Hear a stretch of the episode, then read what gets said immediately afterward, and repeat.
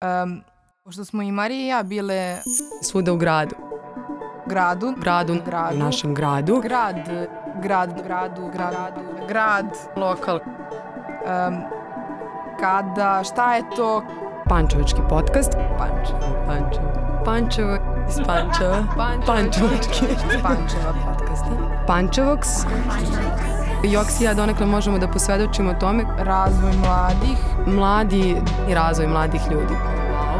mladi, mladi, šta je mladima potrebno, a da se tiče mladih. Mlađani. Aktivizma. E, volontiranjem, organizacijama, Volonterske vode, volontiranje nevladine organizacije, da organizujemo Zajednice. organizacije karijerni put, priliku, podršku lokalne idole, takav vid edukacije. Baš bih fazon da bude neformalno. Raskrinkamo. možemo Jo, sad, znači treba dovoljno optimistično da zvuči. Pančevoks podcast. Znači, kreću. dobro, krećemo Marija Zdravo svima i dobrodošli u Pančevoks podcast. Moje ime je Marija Todorović i sa mnom je moja dugogodišnja prijateljica i saradnica Jovana Jankov. Zdravo I naše mile glasove ćete slušati ne samo u ovoj epizodi, već i u svim narednim emisijama. Pre nego što najavimo našu današnju gošću, izreći ćemo jedan kratak manifest našeg podcasta i kako smo i zašto ga uopšte pokrenule. Dakle, Joks i ja smo već godinama primetile da neki strava ljudi koji stvaraju i rade dosta zanimljive stvari u našem gradu nemaju baš dovoljno medijskog prostora da predstave i kažu čime se bave, pa smo došli na ideju da pokrenemo zapravo pančevački podcast koji će na neki način biti mesto za njih. Neke teme prosto nisu bile dovoljno zastupljene u lokalnim medijima, pa smo rešili da ih na neki način oživimo, a neke možda i da raskrinkamo. Tako da Pančevoks od danas postaje mesto za one koji žele nešto da kažu, predstave ili poruče svoje lokalnoj zajednici. I uz ovo bih rekla još jednu stvar, a to je živela decentralizacija. A za našu prvu gošću odabrali smo nama lično dragu osobu koju smo znali mnogo pre našeg formalnog upoznavanja kao nekog koga smo neprestano viđale po gradu na najrazličitijim mestima, a posebno onim koji se tiču aktivizma. Sa nama je danas Nataša Lenđel, dugogodišnja aktivistkinja, projektna menadžerka i jedna od osnivača Synchro Huba. Dugo godina je bila aktivna u nevladinoj organizaciji Kompas koja se bavi prevencijom HIV-a i SIDE i danas ćemo više pričati o svemu tome. Nataša, dobrodošla i hvala ti što si pristala da budeš naša prva gošća. Hvala vama što ste me pozvali. Jej. Reci nam, koji je tvoj prvi susret sa aktivizmom? Da krenemo možda od samih početaka i tvog nekog susreta sa volontiranjem, organizacijama i sličnim stvarima. Apsolutno je to u kompasu. U osnovnoj školi smo zapravo imali prva neka predavanja koje su edukatori kompasa, to jest tada što se to zvala omladina Jacasa. Oni su prvi put došli kod nas, ja mislim da je to bio osmi razred ili sedmi.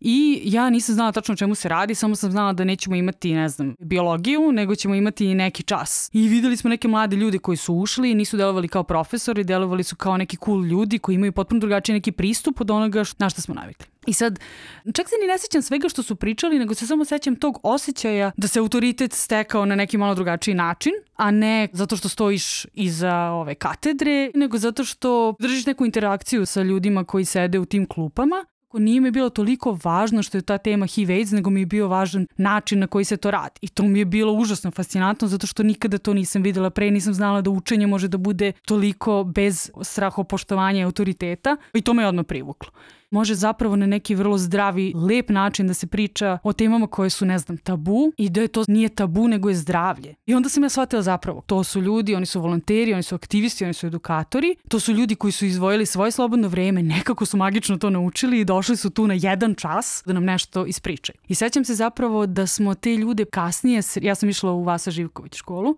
te ljude sretali u gradu kao drugarica i ja i prođemo pored devojke koja nam je držala predavanje i pozvamo smo, eno je ona! I kao nekako na wow, nama je to bilo kao da smo videli neku celebrity ono, koja prolazi gradom i kao i javi nam se.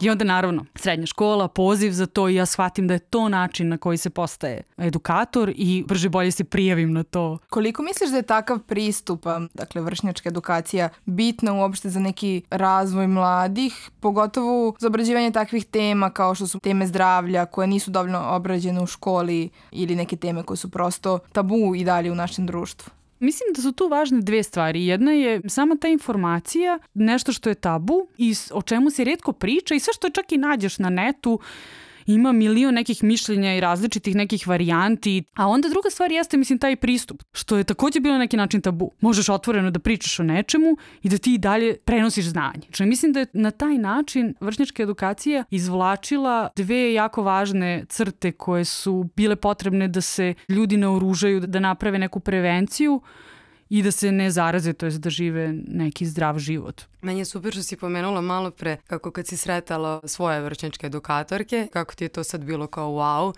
Evo sad kao sedimo, razgovaramo o tome kako si ti imala neke svoje lokalne idole, da smo na neki način mi tako i tebe posmatrali. Joj. Ali ove, i sad kao prepo ove, toga, mislim da kao i Joks i ja donekle možemo da posvedočimo tome koliko je kompas bitan za kasniji razvoj mladih ljudi. Koliko je tebi bio bitan za opšte tvoj karijerni put i uopšte za tvoj neki lični razvoj? Pa jako mnogo, ali to nisam shvatala dok nisam krenula na faks. Ja sam na neki način videla da je to strava i meni je to sve bilo super, ali ono što se desilo jeste da kada sam krenula na faks i kad smo imali neki prikaz knjige koje je trebalo svako od nas da predstavi, meni je to bilo ekstremno lako. Znači ja sam pročitala tu knjigu, izvukla na kao A4 i kao trebalo je da predstavim svojim, kako se to kaže? Klasi. Kla, jel? Da? Pa da, okay, stu, ostalim studentima. Grupi. I meni je to bilo izuzetno lako. A to sam skontala tek kada sam čula ostale kao jednu po jednu koleginicu na faksu koja priča, koja je užasno trema, koja ne može da sklopi rečenicu, koja ne gleda ljude u oči, nije napravila koncept, nije povezala priču od početka do kraja. Mislim, nisam ni ja majstor u tome, ali prosto nekako se navikneš na neki tempo i mnogo ti je lakše da sažmeš stvari. I onda i kad čitaš i kad učiš, a pogotovo kad treba to nekom da preneseš. E sad to što se tiče vršnjačke edukacije. Ima jako puno stvari u kompasu koje sam ja radila mimo toga. Mislim, projekte sam vodila razne i pisala i izmišljala i nastavljala od ljudi koji su pre radili te projekte, programe kompasa i slično. I to je, na primjer, totalno neki drugi skill, neka druga veština. Ono, vreme više nije dan po dan, nego je nekako događaj preko događaja i počneš da sagledavaš to sa totalno neke druge strane i odjednom ti se to sve preklopi. Pogotovo kad praviš nešto što nisi pre pravio, znači ne nastavljaš nešto što si već video prošle godine, onda se to ispostavi kao neki potpuno drugačiji set veština. I ja to nisam ni shvatala ta tako. Mi smo kao smišljali neke projekte, ja i Nataša Despotović, i shvatili smo da postoji neka logika iza toga, ali uopšte nam nije bio nikakav korporativni jezik na pameti, kao samo sam pokušavala da nešto bude edukativno i da bude zanimljivo i da nama bude strava dok to radimo i da ima smisla. I to je nešto što nam je preneto od tad, iz kompasa i dalje. Mislim, ja nikada nisam uspela da radim nešto zašto mislim da stvarno nema smisla. Ali rekla bih da je zapravo to što si ti pomenula u vezi sa vršnjačkom edukacijom, da je zapravo kod tog neformalnog obrazovanja jako bitna dvosmerna komunikacija. Da ti nemaš sad to, taj moment, neko, to jest edukator stoji iza katedre i tu se sve završava, on proklamuje, svi ostali to slušaju, nego baš je dosta bitan taj feedback koji ti dobijaš i komunikacija kako ti komuniciraš sa njima, koji su njihovi komentari posle pitanja i slično. E sad, kakav je još neki tvoj utisak, koliko mladi dobro ili loše reaguju na takav vid edukacije? kao što sam rekla, ono što se meni prvi put svidelo kada sam imala predavanje je bilo nešto što me guralo da dalje širim. Mislim da prosto ja kad odem na predavanje vidim da postoji neka interakcija, shvatim kome pričam, znači to nije zapisano u kamenu, znači nije skripta koju treba da pročitaš, nego je nešto što stvarno zahteva tu neku interaktivnost. Ali ne samo kao sad ja postavljam pitanje i neko odgovara, nego u trenutku da ti vidiš na kakve reči oni reaguju, na koji način komuniciraju, ili neke tako stvari koje te zapravo bude i vraćaju te u onu radoznalost, da ti uživaš tokom procesa. Sad, jako je teško, jer nekada stvarno, misli, to je jako malo vremena i nekada nije do tebe, nekada ne znaš šta se dešava u glavama ljudi, životima tih ljudi i m, naravno, misli, ti to ne možeš ni da pretpostaviš. Znači, ti možeš da pokušaš nekako da sa njima komuniciraš na način koji njima odgovara i koji njima prija, Ali sa druge strane postoji gomila primjera gde je ceo razred bio ekstremno pasivan ili ekstremno ono, minerski nastrojen. Konstantno su pričali o svemu drugom osim o učestvovanju u radionici. Mislim, to se dešavalo, to je normalno to je okej. Okay. Posle toga si u fazonu, brate, kako? šta sad kao, šta, šta se dešava u ovoj situaciji ili kad se neko uvredi kad nešto kažeš ili kad se neko razbesni kad nešto kažeš. Tabu teme su uvek takve, svašta može se desi. Neko će baš da bude besan pa će da se brani pasivnošću, kao ćutaće, stiskaće zube kao da se ne bi sad nešto prodrao i rekao kako misli da nismo u pravu, što mislimo da je tolerancija ok. A imaš i neke ljude koji ovaj, su glasni na tu temu, imaš neke ljude koji čutkuju ove što su glasni, pa onda se posvađaju u razredu, pa ne znam nija šta. Sve je u tome da ti ne znaš šta će da se desi u tom odeljenju i pojenta je da slušaš. Pojenta je da odeš tamo i da čuješ koji je to način na koji njima to odgovara. Mislim, jedan razred na neki način jeste jedan entitet, a na neki način i nije. Da niko sa njima ne priča o toj temi i ja kapiram da i oni sami gledaju između sebe kako se ko ponaša i ko se cereka. Jako je to sve čudno i njima je to prvo iskustvo, mislim, kao i meni. To ste nama, edukatorima. A imaš neku anegdotu da se sećaš iz nekog razreda? sa petacima, na primjer, je uvek jako slatko, zato što sa njima radimo samo neke izjave vezano za HIV koje oni kažu da li su tačne ili nisu. Komarci prenose sidu, psi prenose sidu i tako to. I sad, na primjer, pričali smo o imunitetu. Jedan mali je podigao dva prsta i ustao i rekao, ja sam bio bolestan mesec dana i mene su svi diskriminisali. Ne može da ne reaguješ na to, nekako si upozorno. tu ima svašta nešto. I onda kao tako neko ti se nađe ko ti ti se ni, mislim, naravno ne možeš da zapamtiš sve te ljude. Mislim, najviše bih volala da mogu, ali ne možeš. I onda se desi da kao neko dođe posle ono 5-6 godina i kao, ja se sećam, ti si meni predavala. Ja sam tad pomislila kao, wow, kako je strava. Ja kao, o bože. Znači, to ti je sva volonterska plata koju želiš. Pomenula si da nisi to došla u kompas zbog same teme, nego da je bitan taj osjećaj i uživanje u celom procesu. Koje su to još neke stvari zbog kojih ljudi dolaze u kompas i ostaju toliko godina. Mislim, između ostalog, ti si prvo bila vršnjačka edukatorka, na kraju si preuzela kompas kao predsednica i vodila i dalje edukovala druge vršnjačke edukatore. Možda je to samo lično, Ja verujem da postoje ljudi koji su došli zbog teme. Čuli smo barem tada jako puno primjera gde ljudi dolaze zato što njihovi neki drugari su tu i njima je strava. Takođe, mislim, ja shvatam u dubini nekog mog bića jeste ta ideja, mislim, te borbe protiv diskriminacije najprostije rečeno. Mislim, naravno tu može da se dubi mnogo, ali meni je to bilo, mislim, jako važno od malena, ne zato što sam se ja osjećala kao da mene neko diskriminiše, nego zato što sam to viđala na različitim nivoima kad mi to nije bilo jasno. Tako da, mislim, meni je to bilo, na primjer, baš, baš strašno i verovala sam da stvarno je okej, okay, mislim, biti drugačiji. Ta tema diskriminacije je nešto što je meni bilo, mislim, što je bio veliki pokretač nije toliko HIV AIDS sam po sebi, nego sve to što se dešava oko te teme. I sad u kompasu mislim da je jako važno to što mi imamo jednu temu i tebi je vrlo jasno šta se dešava. Ti radiš vršnjačku edukaciju o hiv i radiš nekoliko akcija gde obeležavaš datume koji se takođe podižu svest o hiv Ali to nije to. Ti tu učiš toliko toga. Učiš kako da funkcionišeš u timu, učiš e, se odgovornosti, učiš se da budeš temeljan u stvarima koje radiš, da budeš neko ko prepoznaje i neće da zažmuri na neke nepravde i da imaš ekipu koja stoji iza toga. Ljudi ne znaju kako da komuniciraju. A mislim da u kompasu to dosta naučiš Ja sam u kompasu mi se stvarno naučila da komuniciram. Izrazim ono što stvarno nekako osjećam i što mislim da je okej, okay, da kao se preispitam i da kritički razmišljam da li je to ugrožava nekog drugog, šta znači sloboda i tako dalje. Mislim, ti to naučiš uz to što se ti kao boriš protiv HIV-a i SIDE i uvijek se preispituješ, mislim, nema kraja. Nije to sad kao, aha, sad smo mi nešto naučili na školici, na kompasovom seminaru i kao to je to. Nešto novo što saznaš kako da vežeš za nešto staro što si znao, da li to sada ruši tvoje neke ideologije ili ne. Mislim, prosto da nekako odrastaš tu. Mislim, stvarno tu odrastaš. Da, pošto smo i Marija i ja prošle kroz kompas, pored svega toga i za mene je kompas predstavljao jedno mesto sigurnosti i podrške. Odlazili smo često na sastanke samo da bismo se zagralili, zato što smo imali tu neku podršku i podstica i da probamo razne stvari, da organizujemo, da naučimo šta je odgovornost i da ispoljimo i svoju kreativnost. I mislim da je ovo možda trenutak da se nadovežemo na to gde si danas, i šta je došlo nakon kompasa. Pre svega da možda pređemo na priču o Sinhrohubu. Možeš nam reći više nešto o tome šta je to, kada ste ga osnovali i odakle potekla ideja za tako nekim prostor. Sinhro je mesto gde bi ljudi sa vrednostima koje smo nekako sad navele, trebalo da se sretnu i da razmene mišljenje, ideje, da pokušaju nešto zajedno da urede i slično.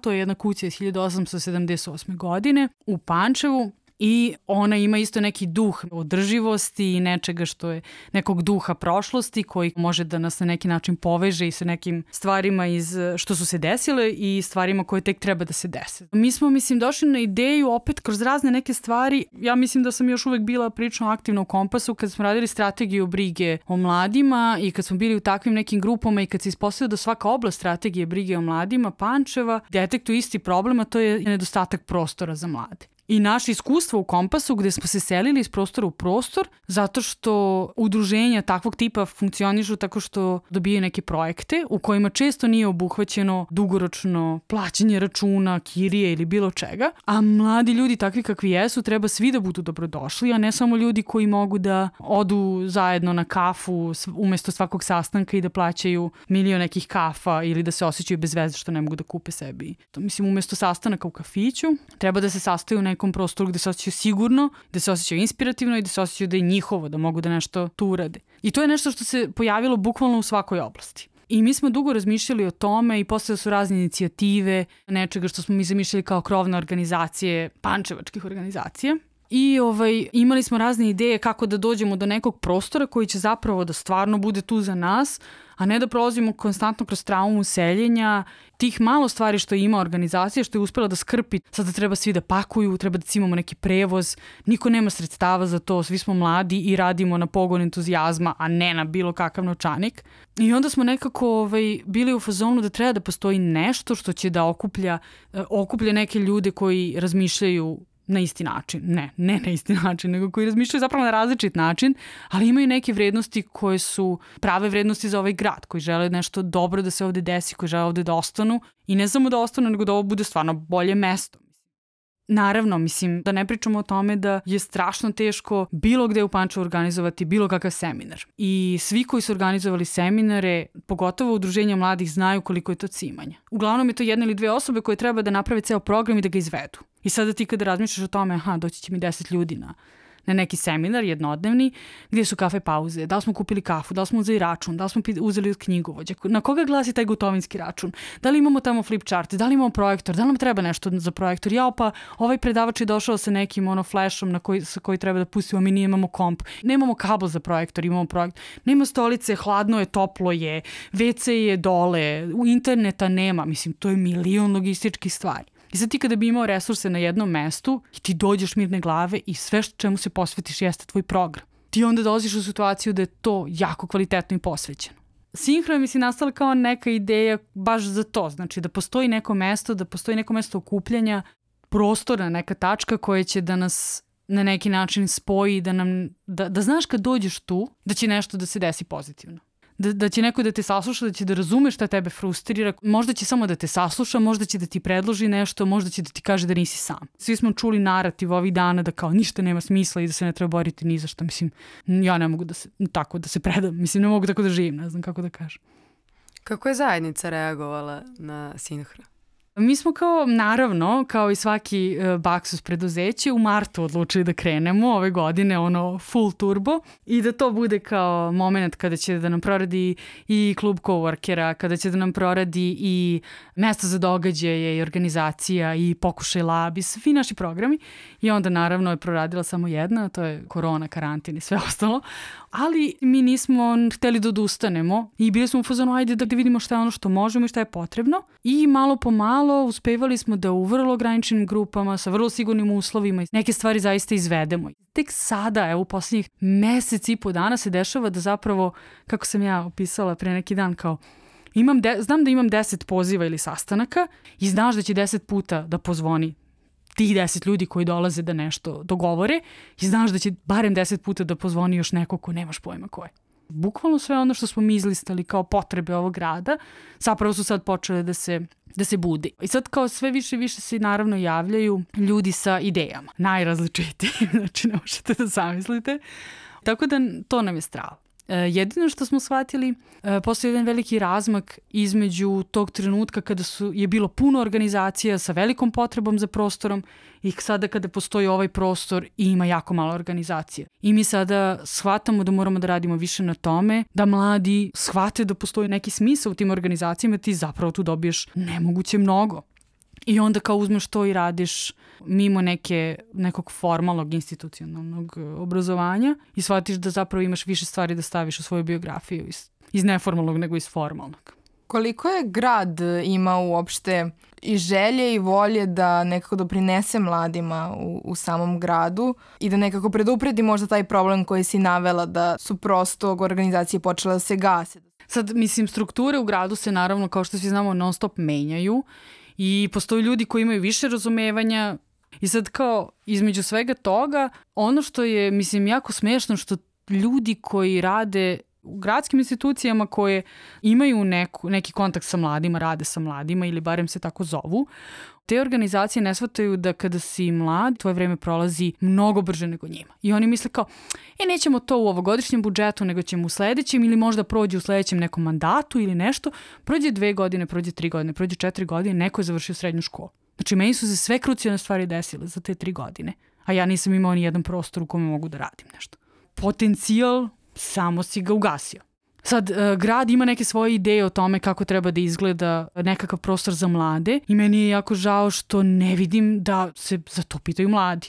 Ja nisam više mlada, realno. Mogu da se osjećam kako hoću, ali mislim po standardima naše zemlje i Evropske unije ja nisam više mlada. Ali e, i ja sam rekla sebi odavno, ok, Nataša, ti neće biti jedna od onih ljudi što će kad pređe 30 da misli kako sve najbolje zna šta treba mladima ono što ćeš da radiš jeste da ćeš da slušaš. Mislim, možda će to da ti deluje potpuno nelogično i suludo, ali ako ti stvarno previše ljudi kaže jednu stvar, znači da je to nešto što je njima potrebno. Ajde, rekla si da možda ne želiš da ti govoriš šta je mladima potrebno, ali sigurno da imaš neko mišljenje. Šta misliš da gravom gradu nedostaje trenutno, a da se tiče mladih? Pa mislim, funkcionalno neko savjetovalište za mlade. Neki savjetnik koji treba da se bavi organizacijama i neformalnim grupama i uopšte mladima koji pokušavaju nešto da urede. Opet se vratila ona ideja da kao mladi su neozbiljni, taj trenutak mi je nekako baš strašan zato što ljudi ne shvataju da je to baš taj moment gde si ti pokazao spremnost da uđeš u, u svet odgovornosti i došao si da uradiš nešto i da pitaš. Mislim, to je najbolja stvar na svetu i onda kao neko te pošalje nazad. E, ljudi ne znaju kako da formiraju organizacije, ne znaju šta to treba da znači, ljudi ne znaju da pišu projekte. Mislim, to je ono što smo mi isto shvatili da kada smo mi bili u organizacijama, bilo je nemoguće mnogo seminara za pisanje projekata. Kao, kako da napišeš projekat i da dobiješ novac i sredstva za ono što hoćeš da uradiš. Užasno je važno da se prosto mladi probude oko stvari šta im je to potrebno. To je proces, mislim, to traje. To neće da se desi kao, e, evo upitnik i sad vi odgovorite. To ne može tako da se desi. Sećam se kad smo imali neku razmenu sa Rumunijom da pričamo o strategiji za mlade, pošto oni nemaju, a mi smo imali već drugu. I onda smo mi otišli tamo i kao mi, kao, ok, kao, šta je nešto što vi želite da se desi u vašem gradu? Šta je ono što želite da promenite? Ljudi koji su u srednje škole, mislim, imaju 15, 16, 17 godina, u fazonu su, kao, ne znamo, kao, ne znamo. Da, iako, pa dobro, šta, ono, već počnem da se nerviram, kao šta je to? Šta, šta je ono što želiš? Šta želiš da vidiš na ulici? Jer želiš da imaš fontanu na svakom ćošku kao neko je opro pare ili želiš da imaš, ne znam, šta želiš? Kao, kao kako ne razumeš pitanje? I dečko ga u fazonu, ono, histerično prike, nas to niko nikad nije pitao. Ne umem da postavim to pitanje sebi. Šta, ja, kao, jel ja treba da nešto želim? Mislim, prelepo. Strašno i prelepo. Čestitamo. Znači, hoćeš da kažeš da je, da, da, je, da je neko rešenje da zapravo prvo razgovaramo jer je to jako bitno, a onda i da nas neko kao mlade pita, to jest da grad možda ima i sluha da te neke probleme reši. Mnogih tema smo se sada dotakli i verovatno bismo mogli ovaj razgovor u nedogled, ali za tebe sada imamo leksikonska pitanja. Uh, leksikonska pitanja... Leksikonskih. Hoćeš na izmenično ili... Izdvojili smo pitanje pitanja. Pazi sad pitanje. Prvo, koje ti je omiljeno mesto u Pančevu? Pa stari buvljak. Mislim, ja stvarno ne znam šta se razmišlja. Pod jedan, ja volim da odem tamo kao, kao neki istraživač. Pokušam da stvoriš neku sliku o tim predmetima, a onda imam i to, taj drugi. Mislim, naravno, ja obožavam da nađem nešto što je vredno, što je proizvedeno, mislim, davno i, i ovaj, volim da kupim nešto što je već korišćeno. Svaki put kad kupim nešto novo, malo me onako žmirka oko. Grize savest. Grize me savest, tako je. Taj konzumerizam ne mogu nekako se ježim. Pritom, mislim, stvari na starom buvljaku, em su genijalne, mislim, šta sve možda nađeš, em što su često kvalitetnije. Evo odmah bonus pitanje. Koji ti je omiljeni ulov sa buvljaka? Uuu, čekaj da razmislim. Da, može i tri, ako ne možeš jedno da izdvojiš. to, to, to. Pa možda moj bicikl. I sic. Sic je sa najlona, a ovaj bajs je sa, sa pančurskog starog buljaka, tako da je to jedan miks dio. Gde najviše voliš da provodiš vreme u Pančevu? Klub društvenih igara mi je jedna od stvari koje mi je, stvarno tamo mi je super. Kako mi baš prija, mislim da upoznaš nekog novog koji ima neka zajednička interesovanja. Narodna bašta, naravno. Ali volim, mislim, na primjer, i da šetam tamo preko Tamiša, ono, kao onom žadničkom mostu i tako neke stvari. Tako da i tu mi je isto sjajno. Mislim, ima baš puno. Ima zapravo dosta baš mesta. Da kažeš da... To se smeješ. Bukvalno smijem se, smijem se narodnom pitanju. Ovaj, oh tako da... Pa nemoj da mi radiš. Čekaj A, da crknem malo čaja. Čekaj. Ja ćeš ja, pa si ti sledeći. Čekaj. Ok, s obzirom da Pančevo ima, slobodno ću reći, bogatu tradiciju muzičku i što se tiče bendove i što se tiče DJ-eva, Nataša, koji je tvoj omiljeni bend Iz Pančeva. iz Pančeva? Može i Beogradsko-Pančevački, Mislim da je Ljubičica. one dvojice, mak. Recimo Ljubičica. Sad nije to cveće. Da li imaš neku omiljenu ličnost iz Pančeva? Lokalni idol. U, ima ih puno, svi su mi prijatelji. Ne znam, mislim, prvo kad si me pitala, pomislila sam na Anđelu Dubljević. Mislim, ima baš dosta ljudi koji, ono, i zbog kompasa i zbog svega, stvarno je veliki broj ljudi koji stvarno, kad sretnem, osjećam se kao da ne pripadam nigde više nego ovde. Omiljeni događaj ili manifestacija nekada slash sada? Pa ne znam, na primjer Elektrika nekada mi je imala fantastičan program, ali tako je to bilo tad uzeto zdravo za gotovo sa moje strane, a sad kad pomislim, ne znam kad sam posljednji put bila na nekom takvom događaju koji ono, nije nekog megalomanskog festivalskog karaktera, nego je kao nešto što je lepo, zanimljivo, drugačije i što te nekako inspiriše, mislim. To, to su bili neki događaji u Elektrici, definitivno. Šta bi voljela da budeš kad porasteš? I koliko si blizu tome? Hmm, pa nemam pojma, vjerojatno sam jako daleko to.